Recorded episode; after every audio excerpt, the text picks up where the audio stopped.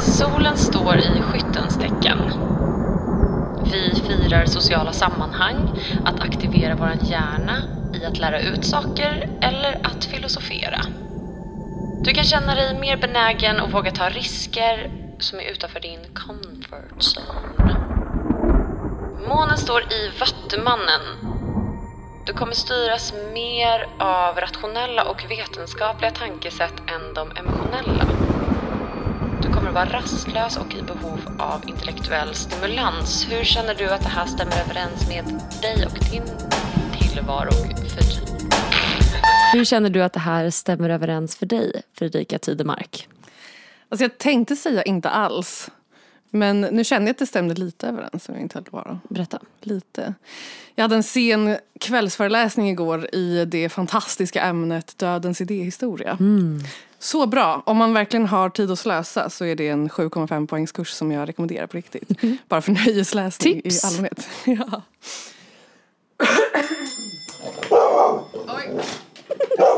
Vi har kanske haft sex, sju föreläsningar hittills eller något sånt. Och det är ju då såklart online, man sitter och stirrar på en skärm. Och hittills så har det varit väldigt ljummen stämning i liksom pausen med för frågor. Man kör en liten paus på mitten av föreläsningen, lite frågor och sen i slutet av föreläsningen lite mer frågor. Och det är oftast så här, ja ja, allt sög förr i tiden, vi vet. Det är ungefär inställningen. Men igår så var det då den otroliga föreläsningen, den väldigt efterlängtade föreläsningen Djurens död. och känslorna var så många och så starka. Jag har faktiskt aldrig varit med om en så känslosam föreläsning. För just alltså, alla deltagarna. I den, I den första pausen så frågade jag bland annat när de kom på att djuren har en själ. 1800-talet kom de på det tydligen.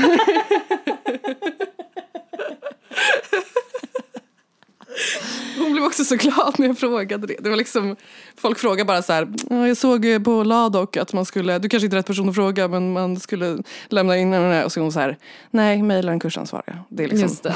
de frågorna. Men det känns som att det tar folk hårdare med djurs död. För det är ju någonting så här, men kanske ännu fler har upplevt än att någon i deras familj har dött. Att någon har ett husdjur som har dött. Men också att det är lättare att begripa sig på deras död eftersom den inte känns lika kopplad till våran. Men att gräva sig ner i den mänskliga döden gör att man måste tänka på sin egen död. Och det vill man ju inte. Nej, då måste man ha distans. Medan djurens död är helt odistanserat. Det var då fokus på slakt och jakt. Eh, Och eh, jag tror nästan varenda människa hade en släkting som var jägare och skulle berätta om vad de pratar om vid middagsbordet och hej och hå. Och jag kom in i någon lång rant om eh, bisonoxarna på 1800-talet som var 60 miljoner och sen blev 800 och vad det gjorde med den genetiska mångfalden och så vidare. Eh, Jag fick också syrliga kommentarer om att jag pratade för länge fast jag verkligen inte var den som pratade mest. Det var så himla sjukt. Jag var bara den som sa mest out-grejer. Typ. Men eh, hon fick in mig på ämnet som jag tror hette extinctionism. Eh, och gav mig lite boktips om det just när eh, människor får för sig att de får utrota en hel eh, art eller ett helt folk. Och vad det, Just det. alltså folk som forskar om det. Så jag är lite mör i själen efter den sjuka kvällsaktiviteten. Men såklart, ja, både filosofiskt och folkbildande och the scientific approach antar jag. Så det stämmer ändå in mer. Jag hade verkligen Ja. tänkt så här eh, vara reaktionär mot mig själv och säga att allt är bullshit. Men eh, jag ångrar mig. Det stämmer såklart. Helt och hållet. Ja. Du då, Saga Larsson? Eh, Jag skulle väl säga att mitt behov av intellektuell stimulans har varit låg med tanke på att jag mest har tittat på Robinson idag. jag är helt besatt av Robinson och eh, jag tror kanske att det tyder på att jag inte nödvändigtvis behöver intellektuellt utmanas. utan snarare se när de här stackars, jag vet inte, frisörerna och typ personliga coacherna kämpar för sina liv. Det är otroligt mycket personliga coacher. När ska vi skydda titeln personlig coach? Jag är livrädd. Eller för så här livs, livscoach. Ja, herregud. Det måste bli en skyddad titel för det är ju livsfarligt. Ja, gud ja. Jag var på en kurs i början av året för att jag var, nej men, jag var desperat. Så jag var på någonting som hette Mind Club. Oj, Mm, och visst, du du kan ju tänka dig vart jag befann mig när jag betalade några tusen för att få vara med i Mind Club. Framförallt när man börjar betala pengar för det. Det är så härligt. Precis, och kommer dit och det är någon så här gammal fotbollsspelare som har gjort om Åh. sig till ehm, livscoach då. För det kan man ju bara bli en dag. Du kan bara vakna upp en dag och Ja, bestämma ja. dig för att nu ska jag coacha andra i hur de ska leva sina liv. Vilket är helt Ja. sinnessjukt. Man behöver bara ha en inspirerande livshistoria. Ja, det ska det sägas dock att det var en intressant kurs men inte överhuvudtaget tack vare aforementioned fotbollsspelare slash liv- livscoach. Men det var ändå spännande. Det var det verkligen. Det var extremt enkelt och ibland så gör man sånt där så himla svårt för sig själv. Jag var liksom på en plats där jag var verkligen så här.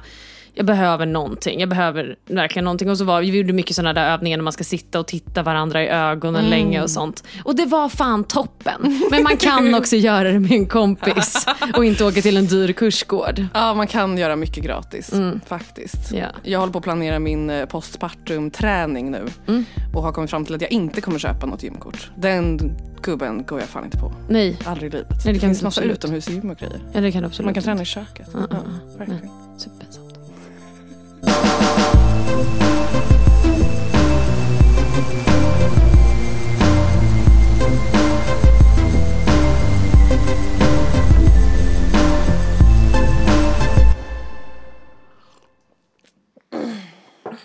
Okej Fredrika, Ja. dagens avsnitt har vi ju pratat om att det ska handla om att ta tyglarna. Förra avsnittet handlade om att släppa taget. Paradoxen i det här, rent spirituellt, är ju att du måste ha, ha släppt taget innan...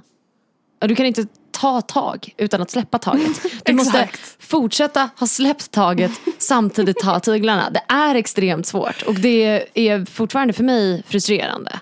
Det här, den här paradoxen som finns inom all spiritualitet. Verkligen. Du får inte fästa dig vid någonting samtidigt som du måste ta tyglarna på något vänster för att någonting ska du fylla ditt jordeliv med. Exakt. Du måste liksom söka efter det viktiga samtidigt som inget ska få vara viktigt och så vidare. Precis så. Vi hade ett gräl jag och min make häromdagen för att jag hävdar att man behöver oscillera mellan att släppa taget och att ta tyglarna. Och då skrattade han jättemycket åt mig och sa att det heter oscillera. Och då sa jag, heter det också fascism? Det är dumhuvud. Och sen så, långt tjafs om det.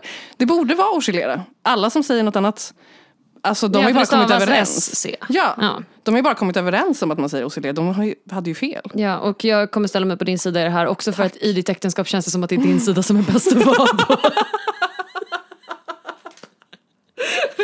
Så jag ställer mig där. Tack så mycket, vad skönt. Då i alla fall så har jag läst A New Earth av Eckhart Tolle. Eller Tolle, det är en konstant diskussion. Jag tycker ju om Tolle för att det rimmar med Stolle. Men jag håller mig nog till Toll.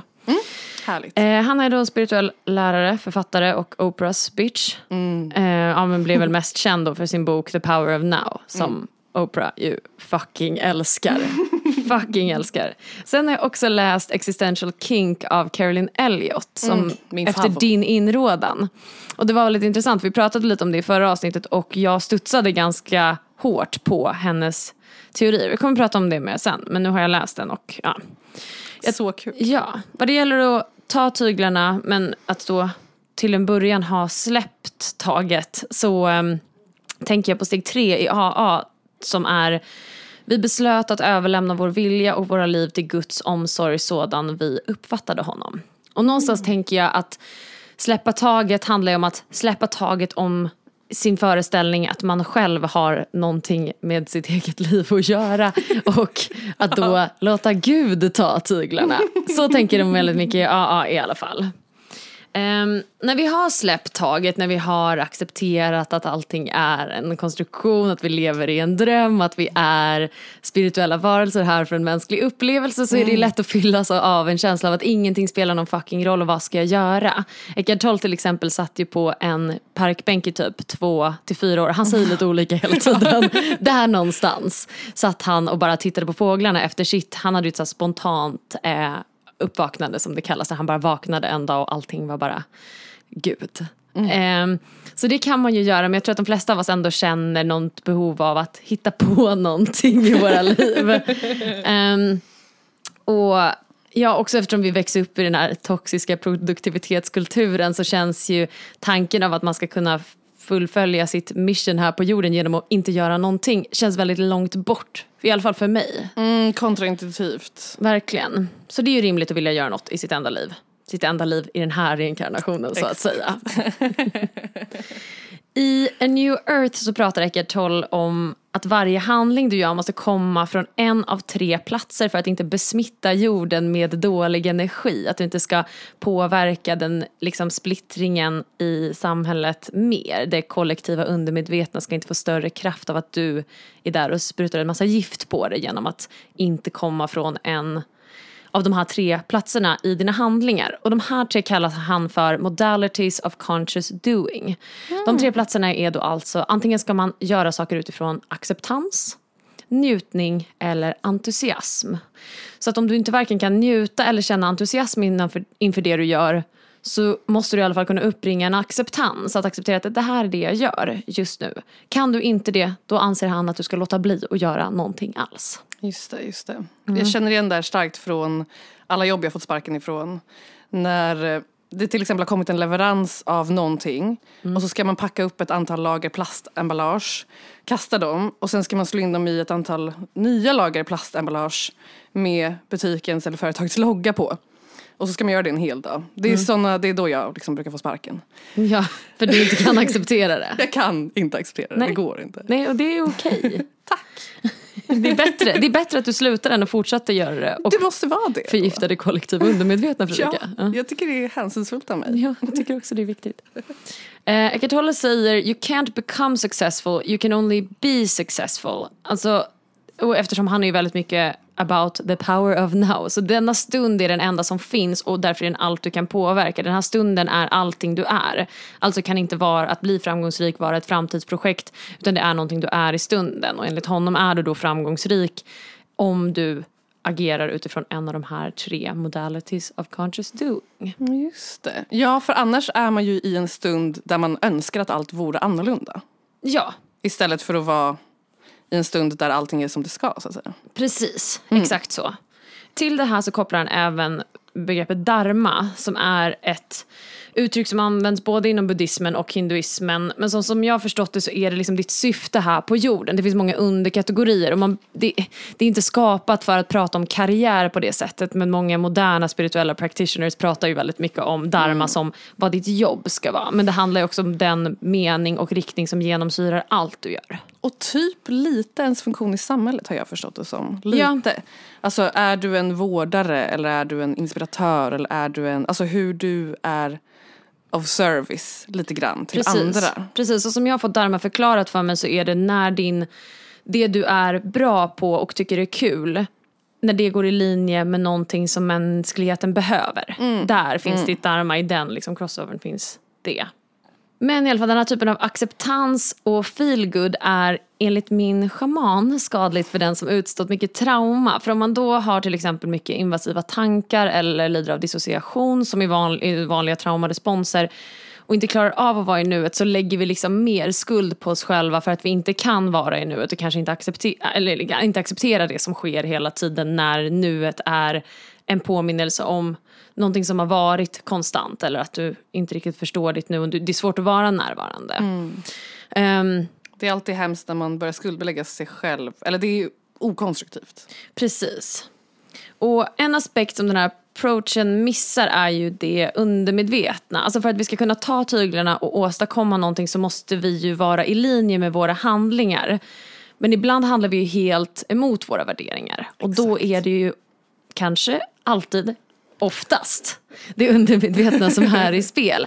För, för att, ja, då kom jag in på Carolyn Elliott som är PhD i Cultural och Social Stud- Studies och som har skrivit boken Existential Kink. Och hon menar ju på att du alltid agerar utifrån det du vill. Men när du inte vet om att det är det du vill så är det utifrån ditt undermedvetna du handlar. Så att allting som sker i ditt liv sker för att du egentligen ville det. Det är en problematisk tanke. Det är svårt att greppa Mm. tills man liksom känner sig befriad av det. Ja. Om man säger. Hon citerar Jung väldigt ofta, bland annat det här citatet återkommer kanske 12 gånger i boken. Until you make the unconscious conscious, it will rule your life and you will call it fate. Ehm, så att bli i, sitt, i linje med sitt dharma då, om man pratar utifrån Caroline Elliot kräver ju en enorm ärlighet om vad ditt undermedvetna vill och att göra det undermedvetna till ditt medvetna. Det blir svårt att förlita sig på vilka viljor som styr nuet när du inte vet vad du vill.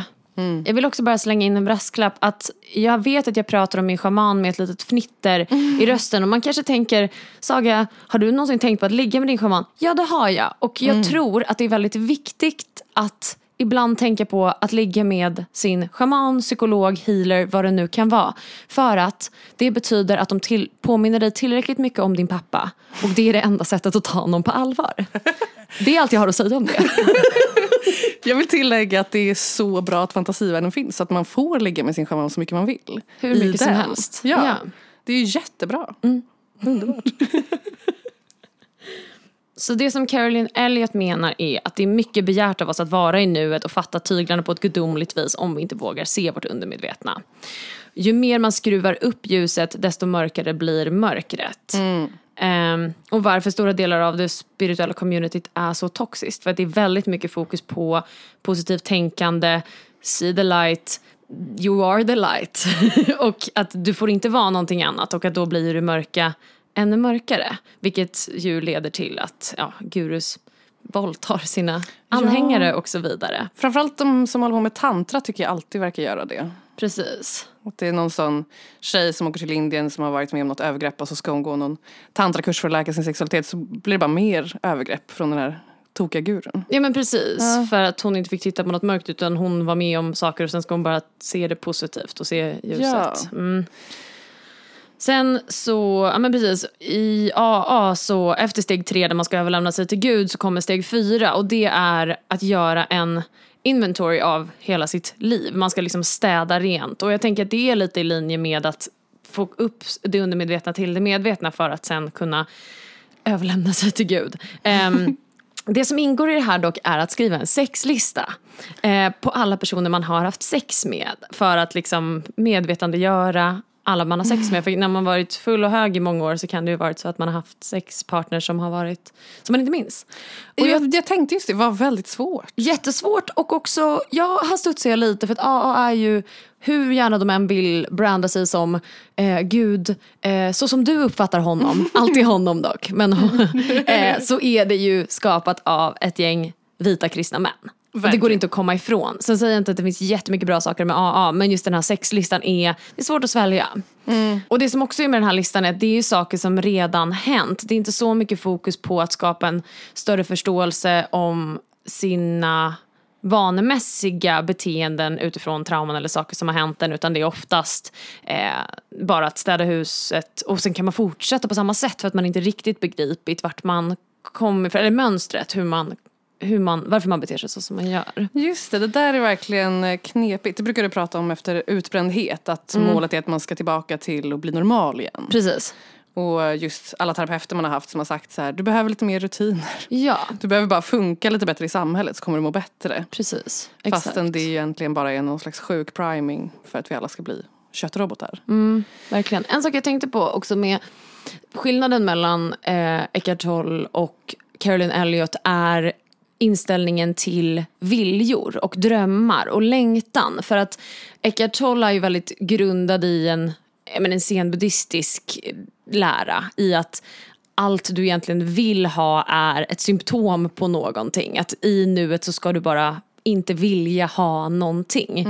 Medan Caroline Elliot utgår ju mycket mer ifrån att hylla sina, sin längtan och sina begär, hur mörka de än må vara.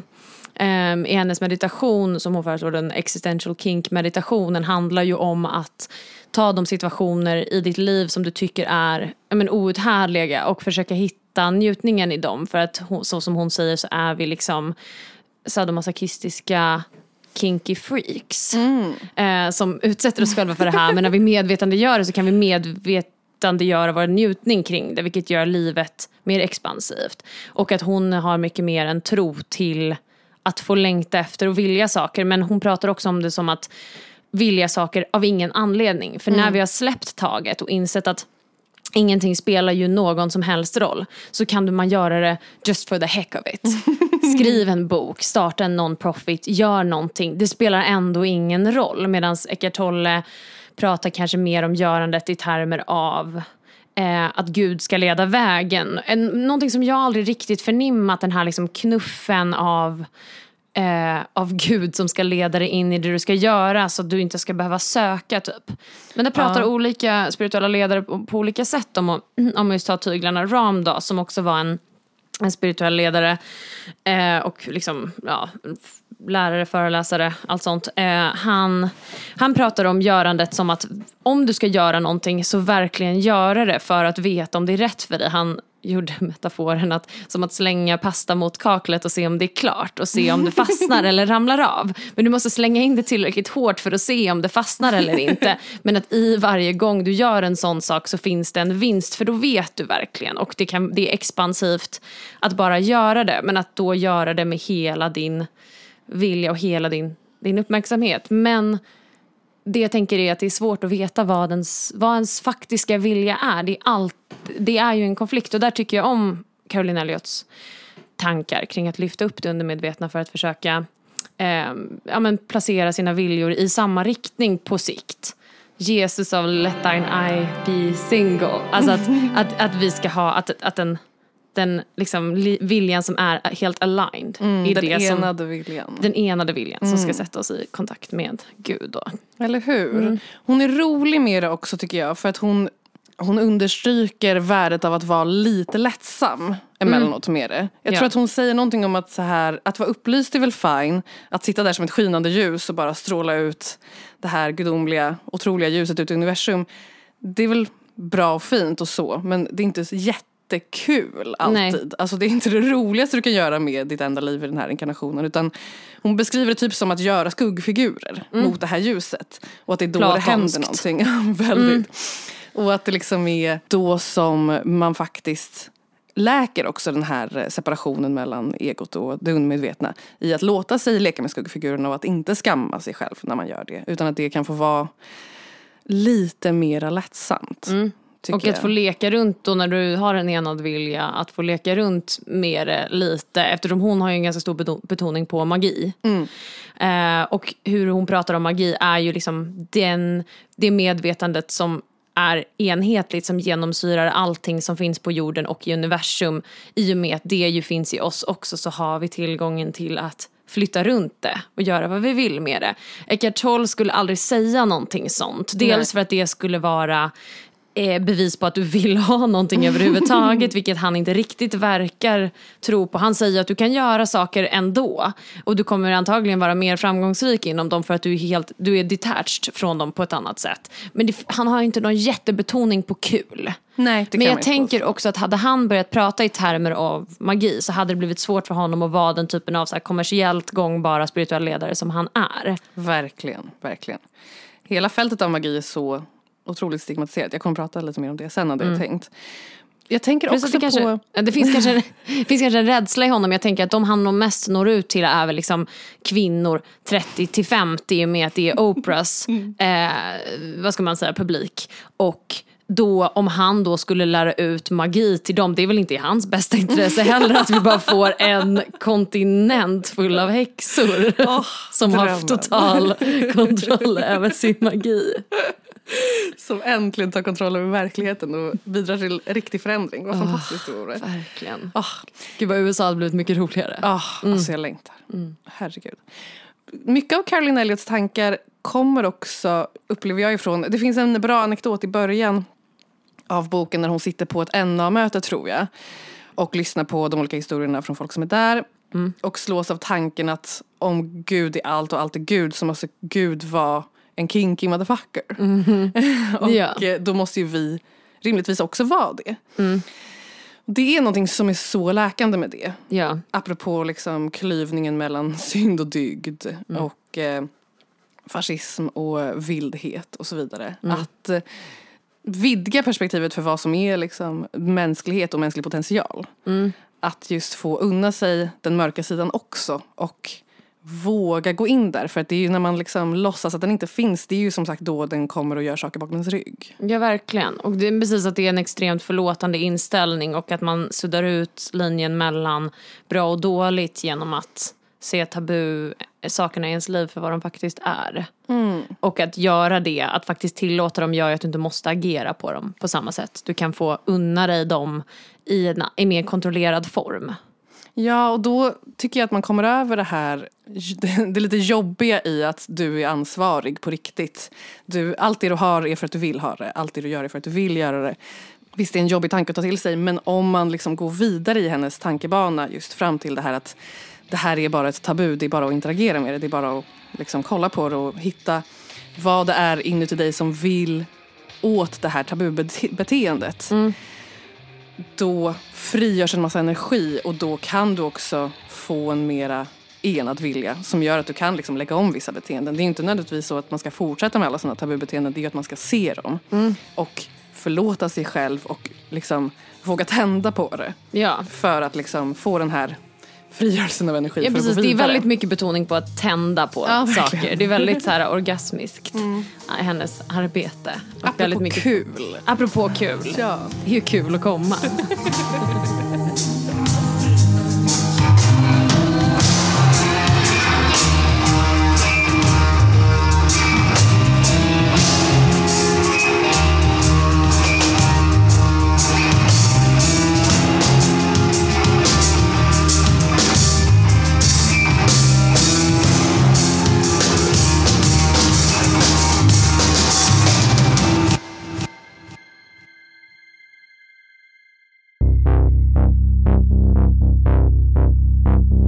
När vi började umgås igen nu i början på domedagsåret 2020 så tog vi en lång promenad med min hund och du pratade om just Eckart Tolle, eller Eckart Tolle. Ja. jag har gjort det sedan dess. Jag bara inflika att det var helt otroligt. Vi hade ju inte umgåtts på väldigt många år. Vi Nej. kände varandra i gymnasiet och sen var det liksom kanske sju, åtta år senare. Alltså verkligen. Så sprang jag på dig. Jag hade blivit utbränd, jag hade sjukskrivits utbrändhet dagen innan och då uppenbarade du dig bakom disken på Café String och föreslog, ska du inte komma och gå i skogen med mig och min hund i några timmar? Jo, och så gjorde det och nu sitter vi här. Jag var så glad att du ville det. Ja. Det är ingen annan som vill det. Alla vill bara gå till en bar och dricka öl och det är det tråkigaste jag vet av allt man kan göra. Det är så himla synd. Jag är också den tråkigaste att göra det med eftersom jag kommer bli vanvettigt full och slita av mig alla mina kläder. Det låter i och för sig inte tråkigt. Beror på vad man är på för humör. Om det är tisdagshumör eller Min alkoholism vet inte vilken dag i veckan det är. Nej men du sa massor av saker om Eckart Tolle som kändes väldigt intressanta. Och jag kände på mig att jag hade Power of Now hemma någonstans. Typisk sån grej man har fått av någon. Gick hem, Det letade är en så taskig present att ge till någon. Självhjälpsböcker generellt eller liksom spirituella böcker är en taskig sak att ge. Hej hej! Grattis på födelsedagen. Varsågod. Oj, till mig. Tack så jättemycket pappa.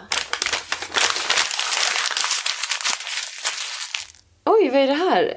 Sök och få hjälp för det här går ju inte längre av Lars Fågelfjäder. Eh, tack. Ja för det är både så här, jag kan se att du har en kris, det här kan hjälpa dig. Alternativt, jag kan se att du behöver en kris, det här kan utlösa det. Valfritt. Eller bara säga jag orkar inte med så som du är längre. Så hemskt. Nej, men jag gick hem och började läsa i den och kände att han har ju verkligen inte fel om någonting överhuvudtaget egentligen.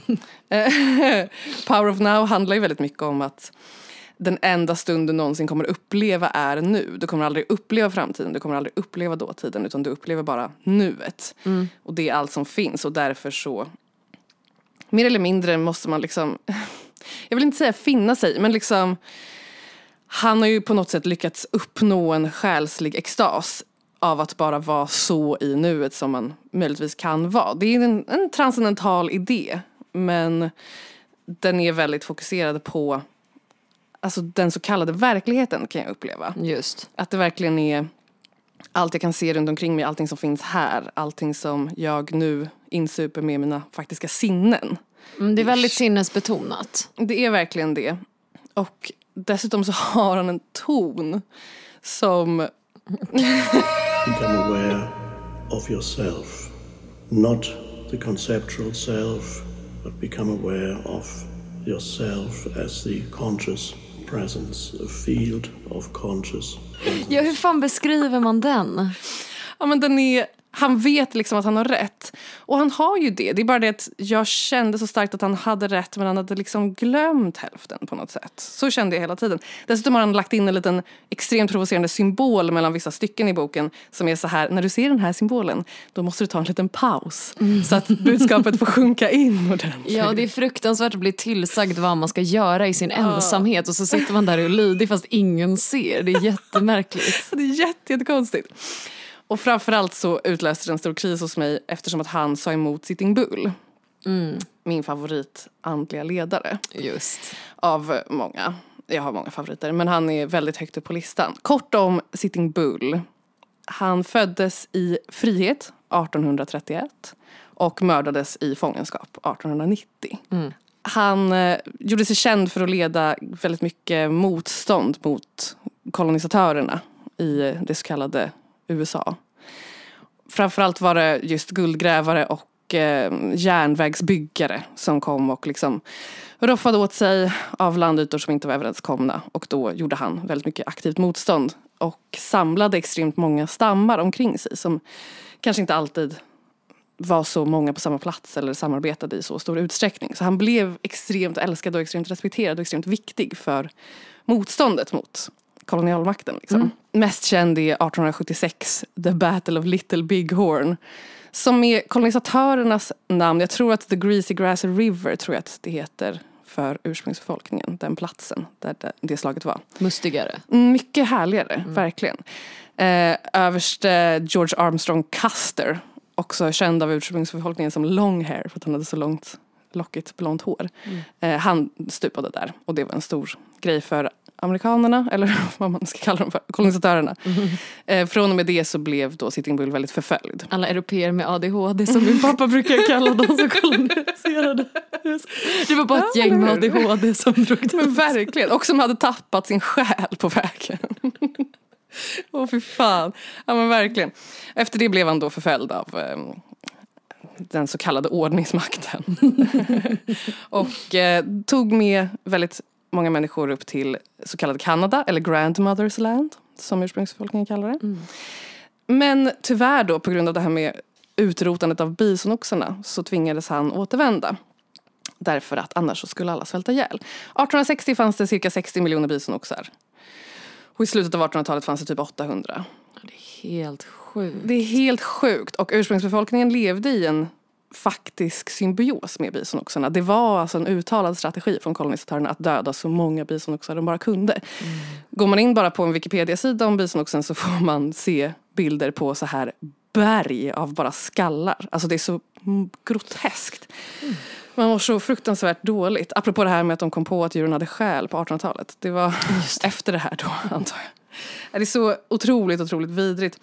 Så att på Ännu grund värre av... att det hände när de visste att de hade själ. Ja, eller hur? Och den symbiosen av själen. Och då dör, nej men, det gör det ännu värre. sjukt. Ja, och de tog inte tillvara på köttet heller utan de bara sköt så mycket bisonoxar de kunde och lät dem ligga och ruttna. Alltså det är sånt grovt hån mot allt vad som är livet och eh, själen och den så kallade naturen och Gud. Fruktansvärt, fruktansvärt grovt. Så att 1881 så tvingades Sitting Bull och hans folk återvända till det som då hade blivit Standing Rock-reservatet i South Dakota. Här så fängslades Sitting Bull i 20 månader och var tvungen att sitta då i en liten cell med fyra väggar. Och för en person som är född på en plats där det inte finns liksom stängsel så långt ögat når så måste det här naturligtvis vara en extremt stor psykisk påfrestning. Jag skulle lite grann, jag känner lite att jag skulle vilja se Eckart Tolle Power of Nowa sig igenom de här 20 månaderna av fruktansvärd terror. Just det. Att bara nöja sig med sinnesintrycken av gråa väggar. Ja, en liten, liten, liten cell. Så fruktansvärt. Det finns en intervju med eh, Sitting Bull från fängelsetiden där han säger så här.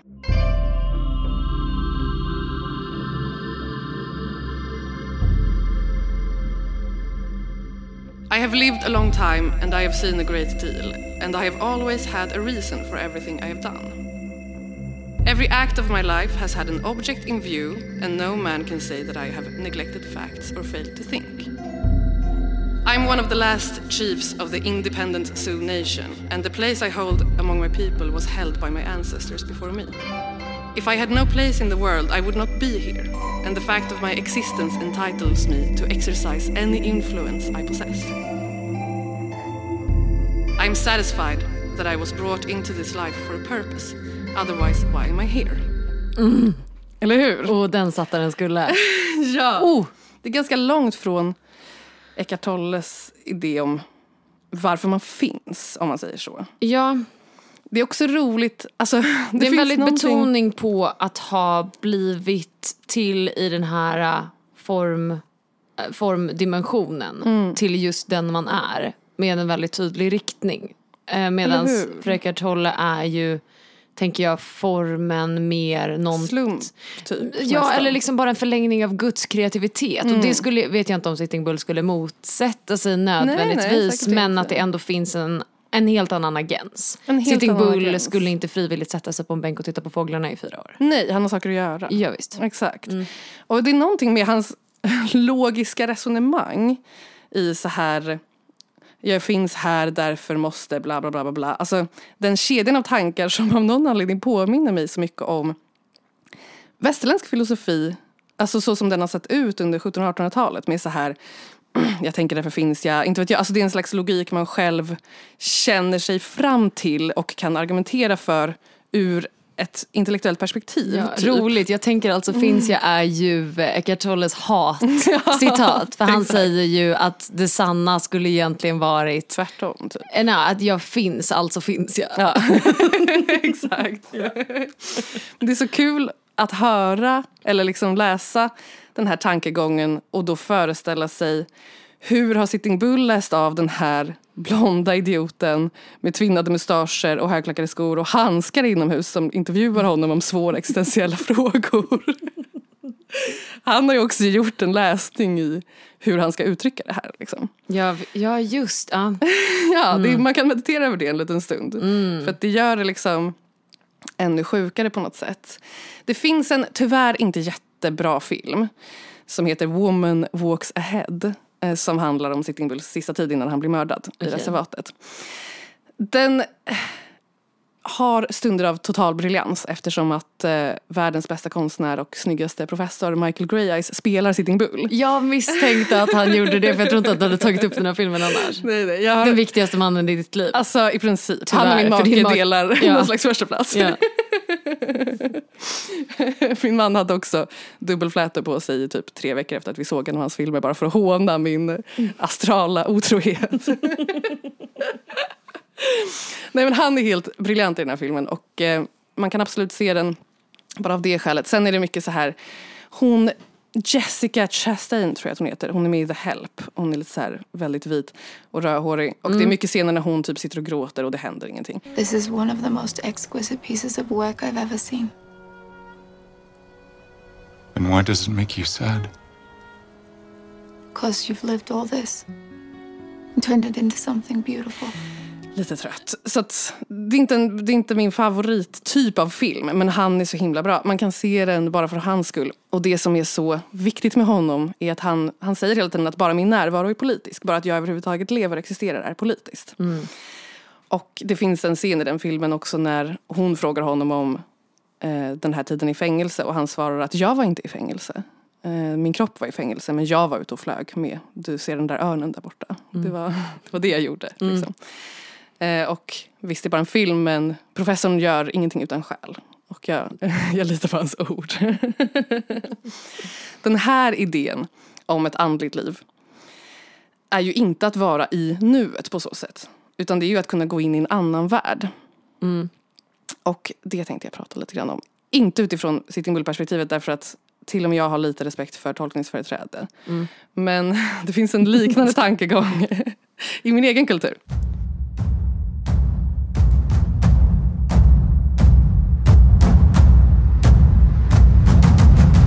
Inom den fornnordiska religionen som den kallas, även om de människorna aldrig hade kallat det för en religion, men den andliga praktiken som fanns här där vi är nu innan kristendomen tog över i ett antal århundraden fanns den.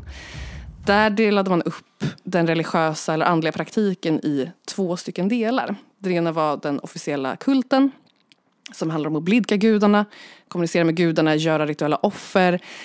Det är en kollektiv eh, aktivitet som man också gör för sammanhållning i liksom by eller bosättning.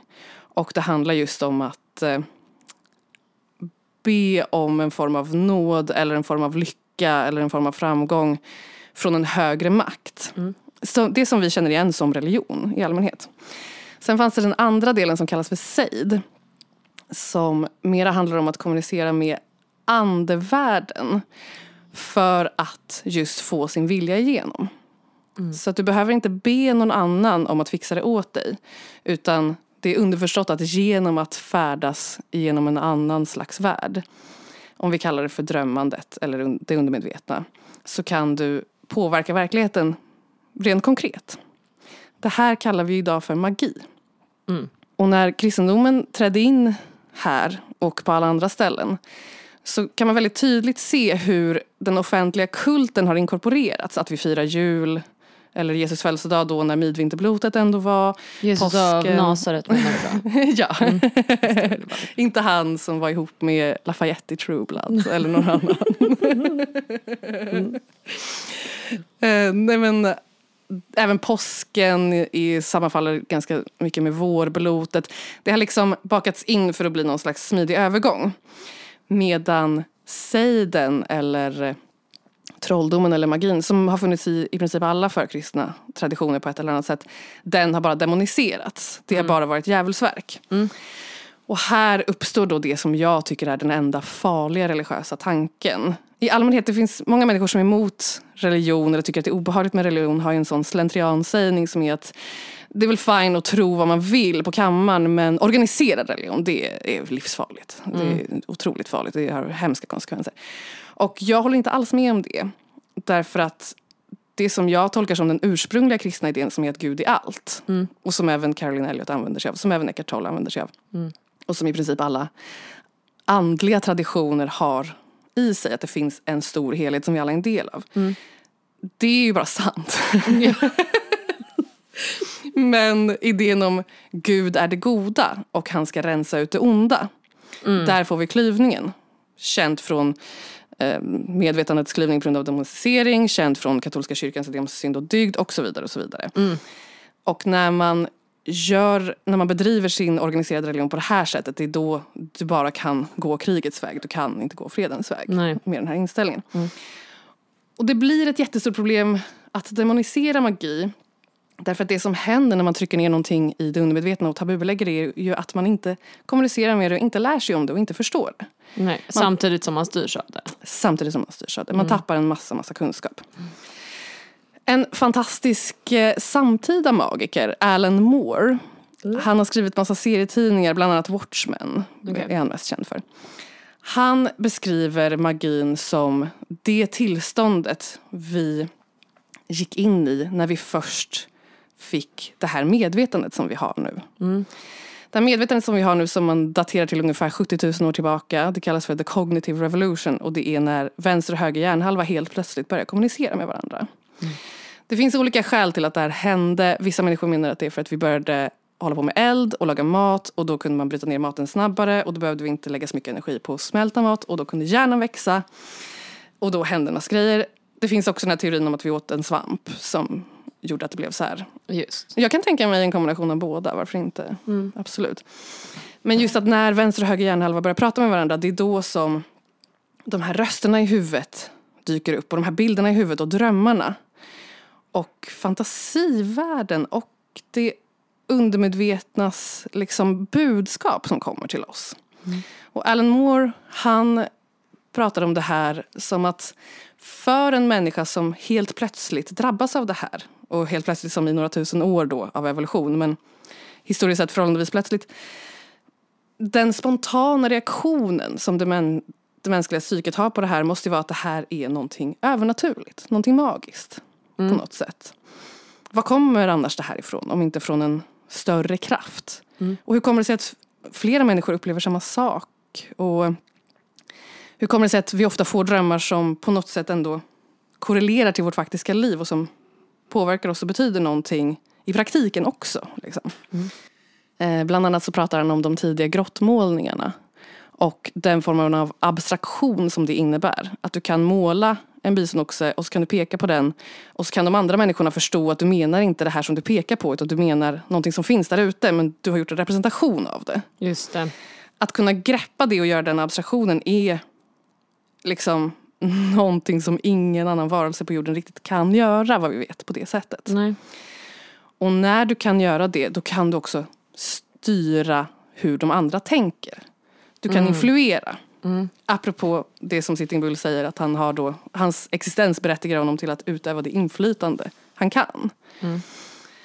Och i och med att det här medvetandet utvecklas så kan man till exempel bilda ett skriftspråk därför att du kan göra abstraktionen av att den här symbolen betyder det här ljudet eller den här saken.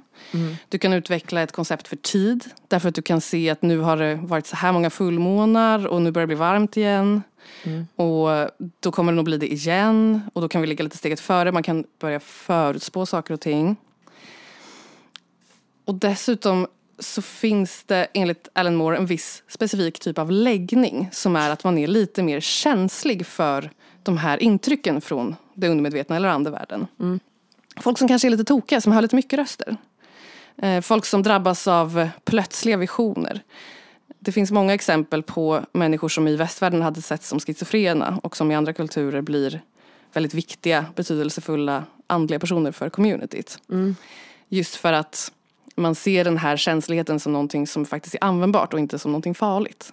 Därför att demo- demoniseringen av magi har inte ägt rum. Ja, och som någonting som är en direkt kanal till en gudomlighet som de andra inte har tillgång till. Jag läste en essäsamling om just den psykiska hälsans historia. Åh, vad kul! Och hur, ja men kanske framförallt då intåget av den, ja men samhället så som vi har det nu bidrog till jag menar, och den industriella revolutionen och allting sånt, att då det inte fanns samma behov av den här, eh, man inte ansåg det behöva sam, mm, man ansåg sig inte behöva samma direkt eh, kanal till Gud som fanns genom de här personerna så då blev de här personerna galningar som behövde låsas in. Exakt, för det är alldeles för farligt. Liksom. Precis. Och det som också Alan Moore beskriver har hänt då är att i den tidiga, i mänsklighetens medvetandes tidiga begynnelse så hade då shamanen, apropå din shaman, väldigt många olika funktioner i och med sin magiska känslighet. Även om det fanns en självklar föreställning om att allting omkring dig genomsyras av någon form av själ eller medvetande och att min hund ligger och snarkar lite i bakgrunden. Men och att det är en självklarhet att vi människor borde kunna kommunicera med den här kraften. Så är kanske inte alla människor helt sugna på att kommunicera med den hela tiden. I det här eh, fornordiska samhället till exempel så ganska många människor ägnade sig åt den religiösa kulten. Inte riktigt lika många människor ville sitta och gå ner i dödsriket på sin fritid. Nej.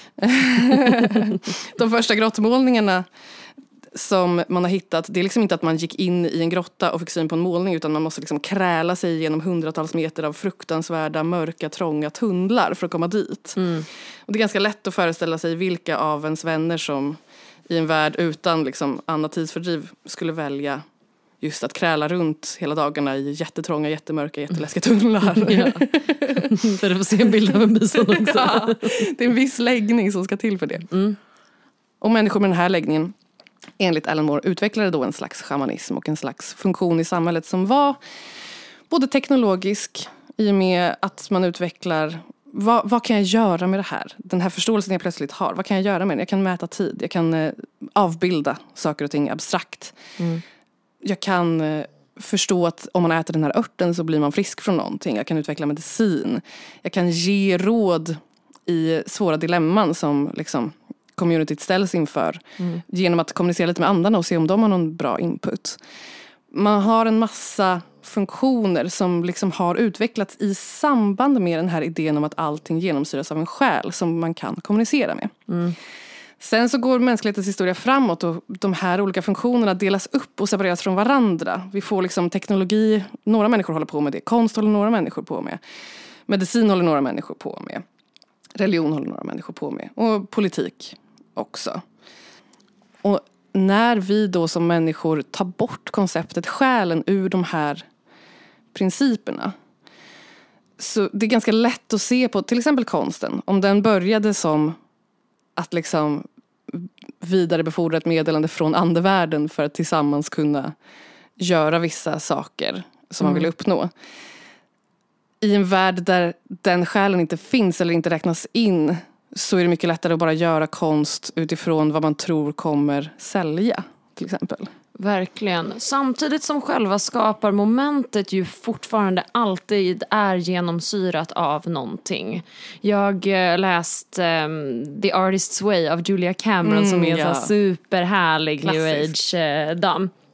Och hon menar ju på det att någonstans är det ju bara att öppna flödet för att låta den skaparguden flöda igenom en och att det är ett enormt egoistiskt sätt att tänka att du har någonting att göra med det som skapas. Exakt. Jag tror såklart att filtret den här skaparkraften åker igenom eh, varierar beroende på vem vi är, vår uppväxt, ja, ja. vår klasstillhörighet, våra livserfarenheter, vad, alla parametrar det kan vara. Men att tillskriva skaparkraften till en själv. Ja, till är... det lilla, lilla mänskliga psyket. Men det gör vi ju nu, att vi kallar vissa människor för kreativa och andra inte. Elizabeth Gilbert, Eat, Pray, Love-kvinnan. Hon pratar också om det i något TED-talk att nu säger vi att man är ett geni men för ett par tusen år sedan sa man att man har ett geni. Att det bor en liten elva i väggen som liksom eh, ger en idéerna. Och att då om du gör någon riktigt dålig konst så vet alla att du har bara ett dåligt geni som bor hos dig. Ja. Och om du gör någon riktigt bra konst så vet alla att det var inte helt liksom, din förtjänst. Utan du Då tror ju... att alla som har skapat någonting kan förnimma sig och sen att man kanske väljer att glömma bort det men att Mm. när du skriver en dikt eller en låt eller vad det nu kan vara att de allra bästa sakerna det kommer ju till en och att tillskriva det till de tankar och de impulser som kommer till en själv är ju helt sinnessjukt. Ja, det är för mycket ansvar att lägga på sig själv. Alltså, det är ju liksom, eh, I alla fall Elizabeth Gilberts idé om det är att det är därför som man konstnärer tar livet av sig. Man orkar inte. Nej, och också därför så här, hela kulturdebatten idag är så individfokuserad. Att vi är så mycket mer av intresserade av författaren än av verket. Oh, eftersom vi inte bara ser konstnären som ett vessel. Exakt. Ja, det är helt olidligt. Också att man därför måste stå så himla mycket för det man gör. Och be om ursäkt om man Be om gör något ursäkt. konstigt. Som att man själv hade någonting att göra med saken. Eller hur? Det var ju inte mitt fel. Och som att det inte behövs att jättemycket konstig skit kommer ut. Så att liksom man kan kolla, man kan eh, visa den konstigaste konsten man har för sina barn och sen se om man själv är mentalt handikappad och svara på de frågor som kommer upp efteråt. Alltså, Men också om man bara då mental, liksom, låter sig kanalisera en viss liten del av sig själv som ska generera poplåtar som ska få mycket streams så lämnar du ju, då har du blockerat filtret i resten av kroppen som ju, och det kommer ju Exakt. skapa förödelse. ja, verkligen. För oss alla. Visst. Det skapar en det jättekonstig... kollektiva. Ja, det blir en jättekonstig relation mellan skaparen och publiken också som är helt, helt orimlig. Mm. Vidare om det, alltså när man tappar, när man glömmer bort att alla de här symbolerna vi har hittat på är magi från början. Mm. Då undrar jag om man inte gör sig själv extremt sårbar. Till exempel ett av Alan Moores favoritargument är just reklam. Hur mycket styrs vi inte av det här? Hur, hur informerade är vi verkligen om vad som pågår i vårt undermedvetna när vi utsätts för till exempel reklam? Om du inte förstår att det här som någon gör mot dig nu är magi, hur kan du vara säker på att du inte blir styrd? Samma sak med medicin. Om du inte förstår vad det är de gör mot dig, hur kan du vara säker på att du inte blir beroende? Och med politiken också. Om du inte förstår att det som händer är liksom en slags performativ magisk teater, hur kan du ha någon slags känsla för sanningen eller eh, vad som egentligen pågår? Just det, men kan det klassas som magi i och med att det kanske inte nödvändigtvis kommer ifrån den gudomliga impulsen till att skapa till exempel opiater? Alltså kan... Jag skulle säga att det ändå är det. För det är Okej. fortfarande den aktiva viljan som förändrar den fysiska verkligheten eller den upplevda verkligheten på något sätt. Just det. Du bestämmer helt plötsligt premisserna för hur det ligger till för någon annan. Men ett kollektivt undermedvetet i arbete då, för jag tänker att jag har väldigt svårt att tro att det var en person en gång som satt och sa de här opiaterna ska vi nu ge i form av benzo och, liksom, och i förlängningen skapa den här fruktansvärda opiatkrisen som pågår framförallt i USA men också sprider sig över världen. Verkligen. Det är svårt att tänka att det var en person utan någonstans att man hakar i varandras manifesterande och att tyvärr agerar vi ofta utifrån devisen att om fler tycker det så blir det säkert bra. Och att vi Exakt. hakat i varandras liksom, mörka magi på något sätt Men utan att någonsin ifrågasätta det. Ja, jag håller verkligen med. Och jag tror att ett stort problem av det är att man inte betraktar det som någonting magiskt som händer. Som någonting som kommer in i en och gör en påverkan. Mm. Då blir man så blind för vad det är som egentligen händer med en. man Samtidigt tillbaka till konstargumentet då för då betonas ju att man faktiskt måste ta ansvar för den typen av magi man skickar ut i världen. Men hur mycket ansvar kan man egentligen ta för det man skapar? Ja, exakt. Tack för idag. Nej men verkligen. Eh, nej men jag tror att det är viktigt att fundera på det här därför att mm, i och med den teknologi som vi har nu också så finns det en idé om att alla kan. Så länge du har det här magiska verktyget en dator så kan vem som helst bli skapare av vad som helst. För om vi går tillbaka till begreppet dharma och i och med att vi har där då ens glädje och ens lust som någonstans måste då vara ens otraumatiserade lust. Jag tänker att det är ju väldigt vanligt att vi vill saker på grund av vad andra har velat åt oss och till slut så kan vi inte utskönja vad det är vi vill längre. Men om man tänker sig dharma som där din glädje och dina förmågor möter eh, mänsklighetens behov.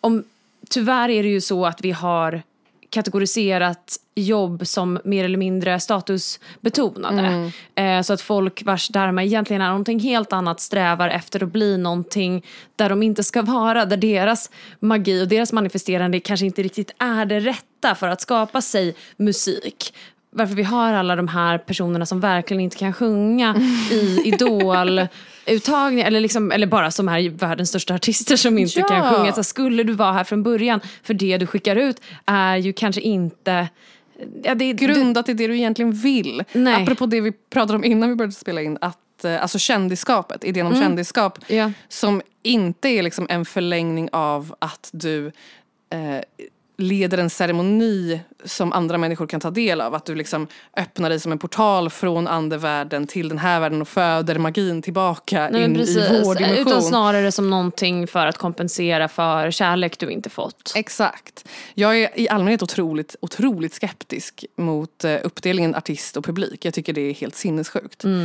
Det är en väldigt märklig idé som någon någon gång har haft att där står några och gör musik, jag kanske ska sätta mig och titta på. Vad fan alltså. det är helt orimligt och sen har det bara blivit en helt självklar del av vår, vår kultur. Ja.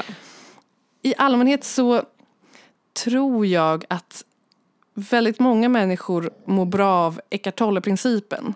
Av att först hitta till sitt nu och att verkligen jorda sig i det. Medan det finns en viss läggning som är att man måste gå ner i underjorden. Ja, Och att man kanske är lite knäpp. precis. Och att man kanske har lite konstiga röster i huvudet eller bilder i huvudet som man måste göra någonting av. Och om inte det får komma ut så blir det otroligt hemska effekter på själen.